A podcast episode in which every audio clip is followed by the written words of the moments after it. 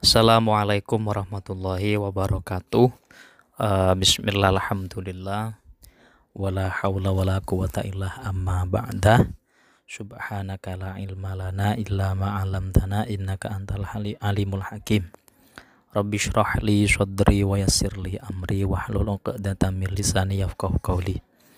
Uh, Alhamdulillah uh, akhirnya kita bisa melanjutkan sharing ngaji melalui media podcast ini setelah beberapa hari vakum dikarenakan uh, saya seminggu yang lalu itu mengalami insiden kecelakaan sehingga uh, kondisi tubuh tidak memungkinkan atau kurang memungkinkan untuk untuk melakukan podcast dan semacamnya. Tapi alhamdulillah uh, setelah seminggu berlalu ini sudah mulai membaik dan alhamdulillah sudah sudah bisa podcast lagi.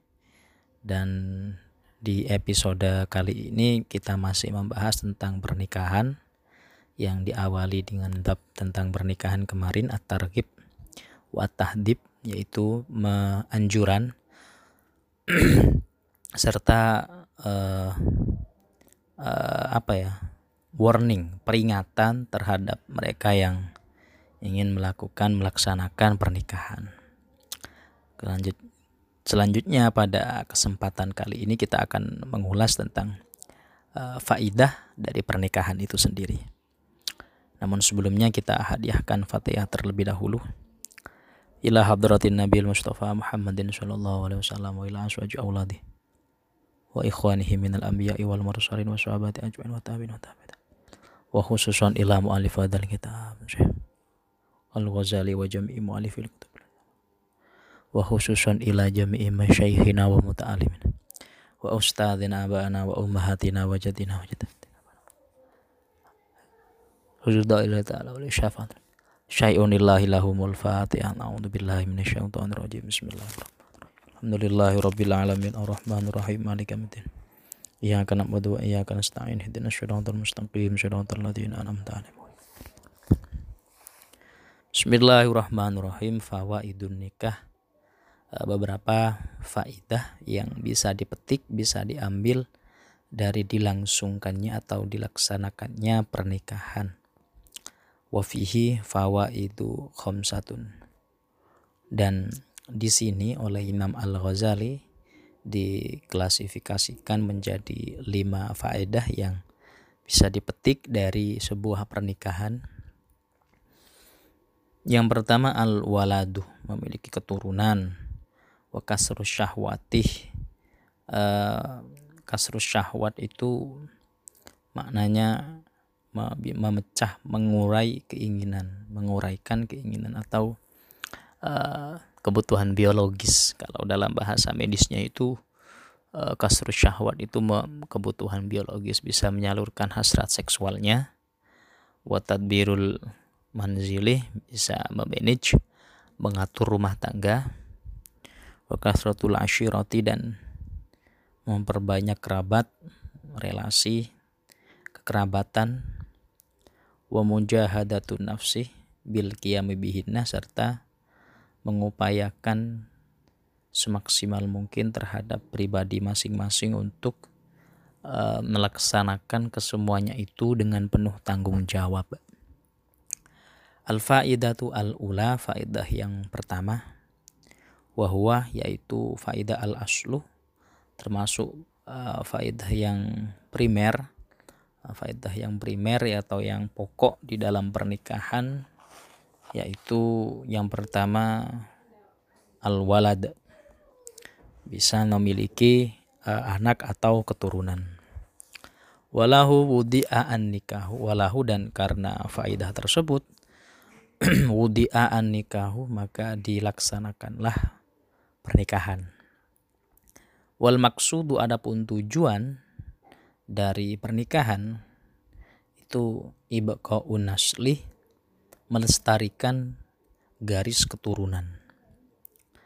Ah, wa alla yakhlu al alam dan agar dunia ini tidak tidak sepi artinya diisi anjil sil insani oleh makhluk berupa manusia ya agar alam ini uh, tidak tidak tidak memvakum tidak tidak memiliki kekurangan stok manusia atau berlebihan. Wa inna masyahwatu khuliqat. Wa inna masyahwatu.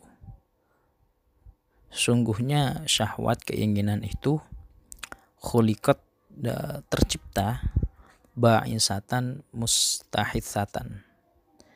Tercipta untuk sesuatu yang mampu memberikan sebuah ba'isah uh, dorongan dan bisa mendikte mustahitsatan itu bisa bisa mendikte pemiliknya. Kal muwakkali bil fahli seperti halnya orang yang dipasrai dengan pejantan. Fi ikhrajil badri untuk menyemai mengeluarkan badri. Badri itu mani ya. Di sini dimaknai mani. Wabil unta dan unsa itu wanita eh, diciptakan atau betina itu diciptakan fit tamkin minal harfi untuk bisa memungkinkan dirinya di di ini, ini minal harfi di sini kalau oleh guru saya dulu dimaknai jima tapi makna aslinya adalah ditanami atau diolah. Jadi al-fahlu uh, pejantan di sini diberkahi dengan al-badru. Ya, di sini bahasa yang digunakan oleh Al-Ghazali bahwasanya seorang pejantan itu memiliki sebuah al-badru biji atau sperma atau benih memiliki benih Sedangkan unsa betina atau wanita itu harthun. Nah, di sini oleh Al-Ghazali dimaknai dengan lahan yang bisa diolah sehingga akan menghasilkan sebuah uh, produk yang bagus kalau memiliki benih dan juga ada lahan yang digunakan untuk menanam benih tersebut. Sehingga uh, metafor semacam ini yang digunakan oleh Al-Ghazali itu saya duga itu berangkat dari uh, ayat nisaukum harthul lakum. Ya, nisaukum harthul lakum. Jadi perempuan-perempuan kalian itu adalah ladang milik kalian. Fa'tu harthakum masyitum. Maka tanamilah atau tanamlah benih kalian di ladang kalian sesuai dengan kehendak kalian. Metafor yang digunakan oleh Al-Ghazali sama dengan salah satu petikan ayat di dalam Al-Quran tersebut. Talat tufu bihima yang mana kedua hal ini bihima uh, al-badru dan al-harthu benih dan lahannya itu harus diolah fisyakoti ilaktina ila fisyakoti diolah sedemikian rupa ilaktina sil waladi sehingga menghasilkan sebuah seorang putra, seorang anak. Dan pengolahan yang dilakukan ini bisa babil wikoi dengan sebab ada hubungan tubuh, hubungan badan atau hubungan biologis. Sehingga ketika seorang uh, yang memiliki benih uh, kemudian ditanamkan di dalam uh, lahannya maka akan menghasilkan anak. Kata latuf bitoiri seperti halnya mengolah burung fi bathil halbi ketik fi bathil habbi ketika uh, menyebar biji-bijian alladhi yashtahihi yang diinginkan oleh burung tersebut liusako ila syabakati agar ter tergiring bisa masuk ke jaring. Artinya pengolahan benih tersebut oleh Al-Ghazali diumpamakan seperti uh, ketika kita menabur biji di jaring agar dihinggapi burung dan agar burung tersebut bisa kita tangkap itu loh. Itu sama dengan wakanat al kudratu al dan wakanat dan ada al kudratu kehendak Allah atau kekuasaan Allah kekuasaan Allah al azaliyah ghairu ghairu qasirotin anikhtira'in ashkhosi itu tidak ter tidak terbatas untuk mewujudkan seseorang ibtidaan min ghairi haro min ghairi harosatin wa izdiwajin tanpa tanpa ada hubungan tanpa ada penanaman tanpa ada pernikahan. Artinya Imam Al-Ghazali menekankan bahwasanya uh, keberadaan wujud seseorang keberadaan seseorang di dunia ini itu tidak dibatasi dengan pernikahan juga tidak dibatasi dengan penanaman benih tersebut. Artinya Al-Ghazali menekankan uh, sisi ketuhanan artinya menampilkan the power of Uh, kekuatan atau kekuasaan dari Tuhan itu sendiri.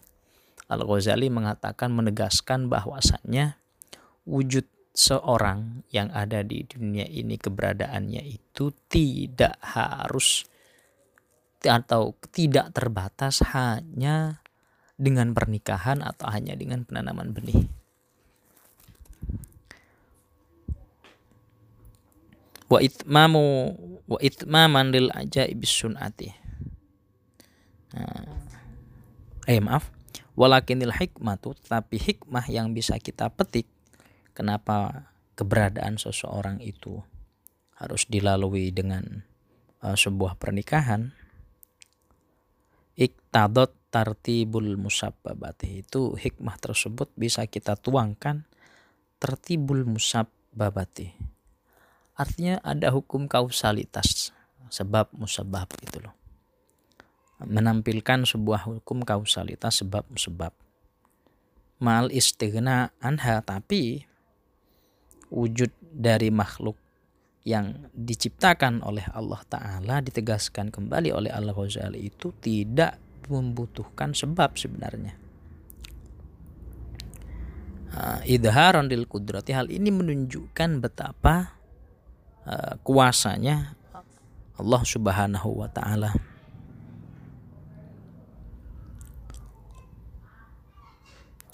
Wafit tawassul ilal walad.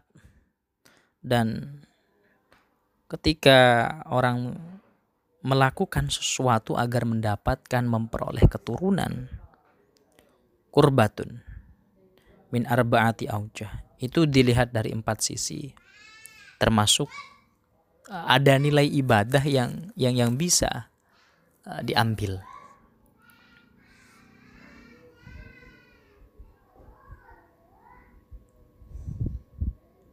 Oh iya al aslu fit tarhib fihi. Dan uh, ibadah di sini, korbah di sini adalah hal yang primer yang sangat disukai di dalam pernikahan. Indal amni min ilis syahwat. Indal amni ketika merasa uh, terproteksi min ilis syahwati dari uh, cengkraman syahwat yang begitu kuat. Muwafaqatun mahab muwafaqatu mahabbatillah dan senada menampilkan rasa cinta kepada Allah bisa dengan melaksanakan fitahsilil waladi untuk mendapatkan keturunan liibqail jinsil insan dan untuk uh, menetapkan ras manusia. Jadi sisi ibadahnya yang pertama ketika orang menikah dan memiliki keturunan itu dinilai yang pertama dari at-targhib.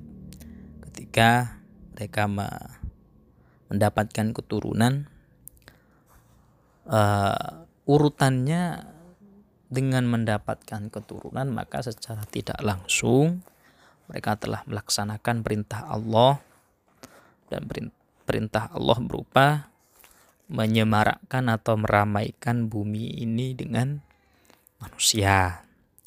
tidak memunahkan memusnahkan ras manusia itu wasani yang kedua tolabu mahabbati Rasulullah Shallallahu Alaihi Wasallam.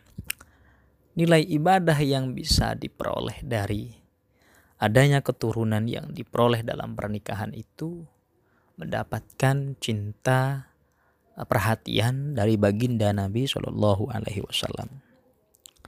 Di mana fi memperbanyak fi iman memperbanyak sesuatu baha bihi maaf bihi mubahatuhu yang dengan sesuatu tersebut Nabi merasa bangga.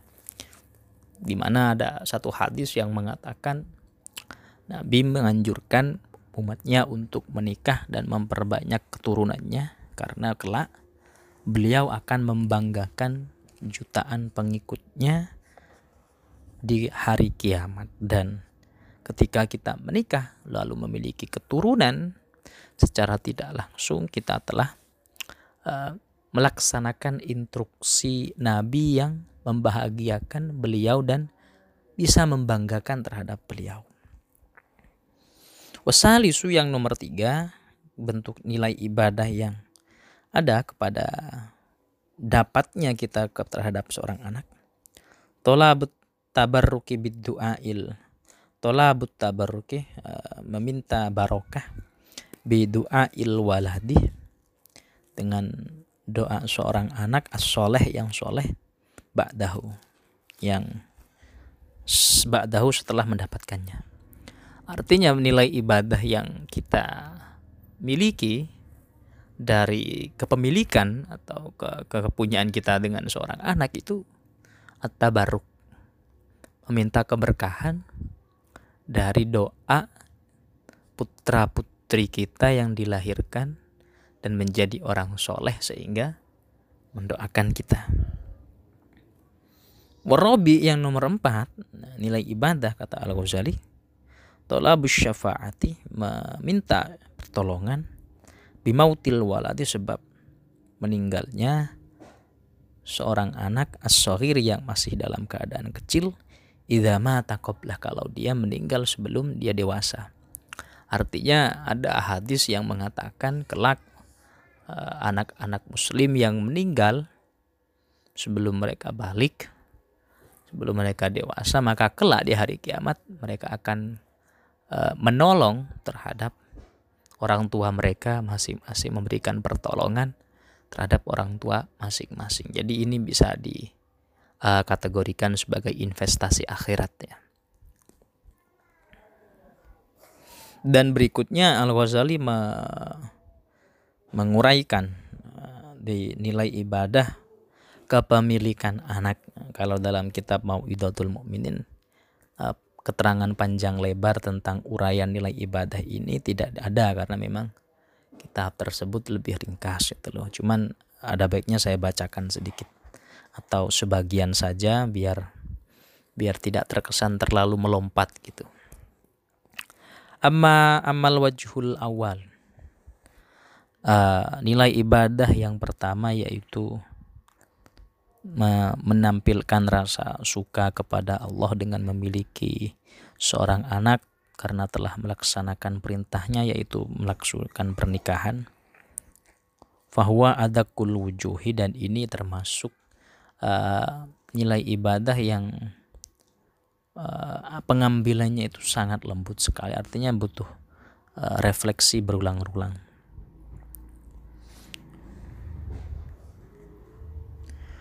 Wa majri wa bayanu anna wa bayanuhu keterangannya itu anna sayyida anna sayyida seorang tuan idza salama ila abdihi ketika memasrahkan si tuan tersebut ila abdihi kepada hambanya al badro sebuah biji hmm, wa alat al harthi dan perabot alat untuk me mengolahnya. Wahaya alahu ardon dan telah mempersiapkan si tuan tersebut terhadap hambanya sebuah ardon lahan muhayyatan yang telah mempersiapkan lil harosati untuk memproses biji dan alat tanam tersebut. Wakana al-abdu dan ada al-abdu seorang hamba tersebut qadirun mampu alal hirosati halal harosati halal hirosati dengan pekerjaan atau menanamnya wawakala bihi dan si tuan tersebut memasrahkan terhadap ambanya man seseorang yataqadahu alaiha yang bisa memberikan uh, simbiosis mutualisme terhadap tanaman yang telah ia udaikan. Fa'intaka salah kalau si hamba tersebut uh, males. Wa'atola dan menganggurkan atau ya tidak mengoptimalkan alat al-harthi. Alat yang telah diberkali padanya. Watarokal badroh dan dia meninggalkan biji atau benih yang telah diberikan. Doian dalam keadaan sia-sia hatta fasada sehingga biji tersebut rusak wadafa'a al muwakil an nafsihi. Dan dia menolak atas Eh, hal-hal yang telah dipasrahkan kepadanya binauin minal hilati dengan rekayasa yang begitu banyak. Karena mustahikon maka si hamba tersebut berhak lil lil muktih untuk dimarahi wal itabi dan di, ditegur min sayyidihi oleh tuannya jadi Al-Ghazali dalam hal ini menganalogikan seorang manusia itu sebagai abad, abadnya dan Allah Ta'ala itu adalah sayyidnya. Lalu Allah Ta'ala memberikan sebuah bekal terhadap abad, bekal potensi, kemudian kondisi dan situasi yang memungkinkan dia untuk menanam biji yang telah dia miliki, bekal dan telah dia miliki untuk diolah dan diproses sedemikian rupa. Hmm. Jadi uh, ibarat seorang petani, lahan ada, benih yang akan ditanam ada, kemudian alat atau perabot yang digunakan untuk bercocok tanam itu juga ada. Musimnya mungkin memang sudah musim untuk melaksanakan uh, cocok tanam tapi dengan segala potensi dan sumber daya yang ada, si petani tersebut merasa malas atau merasa uh, ya tidak tidak malas lah intinya. Sehingga ketika orang dipasrai diberi tanggung jawab untuk mengolah sesuatu dengan potensi dan sumber daya yang dimiliki lalu dia mengabaikan itu kan bisa memberikan stigma buruk terhadap dirinya atas tuannya. Jadi dia melabel melabeli dirinya adalah orang yang malas dan seterusnya. Ini analogi Ghazali. Wallahu ta'ala dan Allah ta'ala khalaqaz zawjaini menciptakan makhluk berpasangan. Wa khalaqadz menciptakan laki-laki wal unsa dan wal unsayaini dan uh, perempuan. Wahlakun nutfah kemudian menciptakan mani. Fil fakori di yang ditaruh di uh, tulang bagian tulang tulang iga. Wahai alaha fil ini dan menyiapkan mani tersebut di ini di dua di batang kelamin kemudian di aurokon dimasukkan ke otot wa majri dan diberi jalan. Wa khalaqur rahimah Allah taala menciptakan rahim qororot terhadap menjadi sebuah tempat tetap wa mustaudian dan tempat untuk meletakkan linut fatih mani wasallatahu mutaqadiyah syahwati dan Allah Ta'ala, Allah menciptakan terhadap hamba tersebut muqtadus syahwati untuk menguraikan keinginannya, menetapkan keinginannya ala kulli wahidin terhadap setiap sesuatu seorang. Mendakarin baik itu laki-laki wal unsa dan perempuan. Fahadihil af'al pekerjaan-pekerjaan semacam ini wal alatu. Dan alat sumber daya yang telah diberikan tushhadu bil lisanid daqin fil i'rabi. Mim muradi khaliq yaitu bisa disaksikan bisa dilihat bilisanin dakin dengan ucapan yang sangat lembut. Artinya dengan umpamaan yang yang tanpa ya tanpa berpikir terlalu keras itu loh dan maradi khaliqiha dan untuk menunjukkan show of the power bagaimana Allah Ta'ala memiliki kekuasaan yang luar biasa. Wa tanadil arbabil.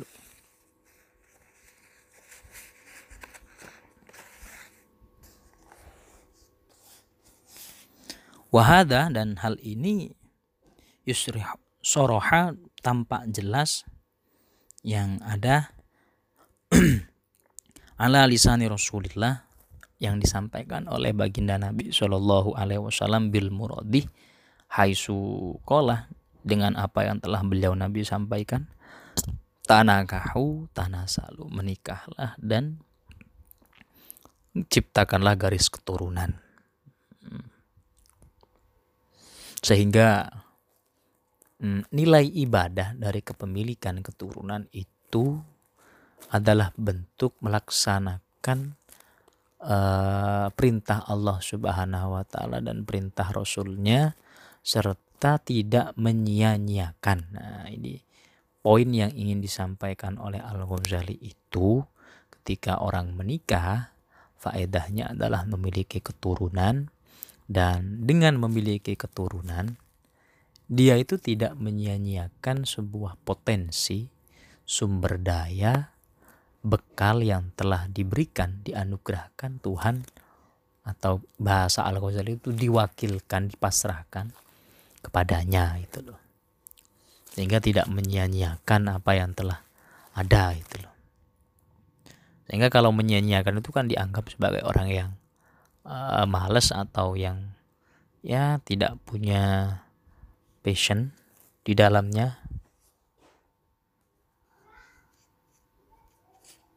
Itu di antara alasan kenapa al-walad memiliki keturunan itu sangat uh, bukan sangat menjadi salah satu alasan utama pernikahan itu diadakan atau disyariatkan.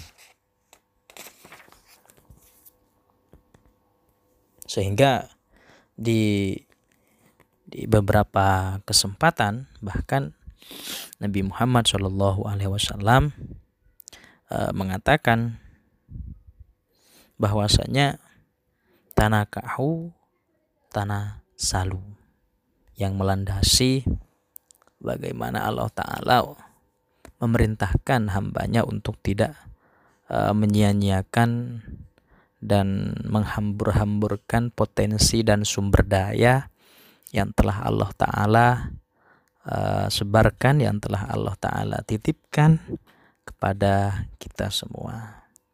Dan untuk alasan-alasan yang lain atau nilai ibadah yang lain yang ada di dalam kitab ya itu orientasinya sama penjelasannya panjang lebar itu juga sama akan tetapi pada poinnya poinnya adalah uh, al-walad termasuk al-asluh. E, faidah yang primer di mana pernikahan itu disyariatkan dan kepemilikan seorang terhadap anaknya atau ketika dia memiliki keturunan ada nilai ibadah yang dilihat dari empat sisi. Yang pertama melaksanakan perintah Allah.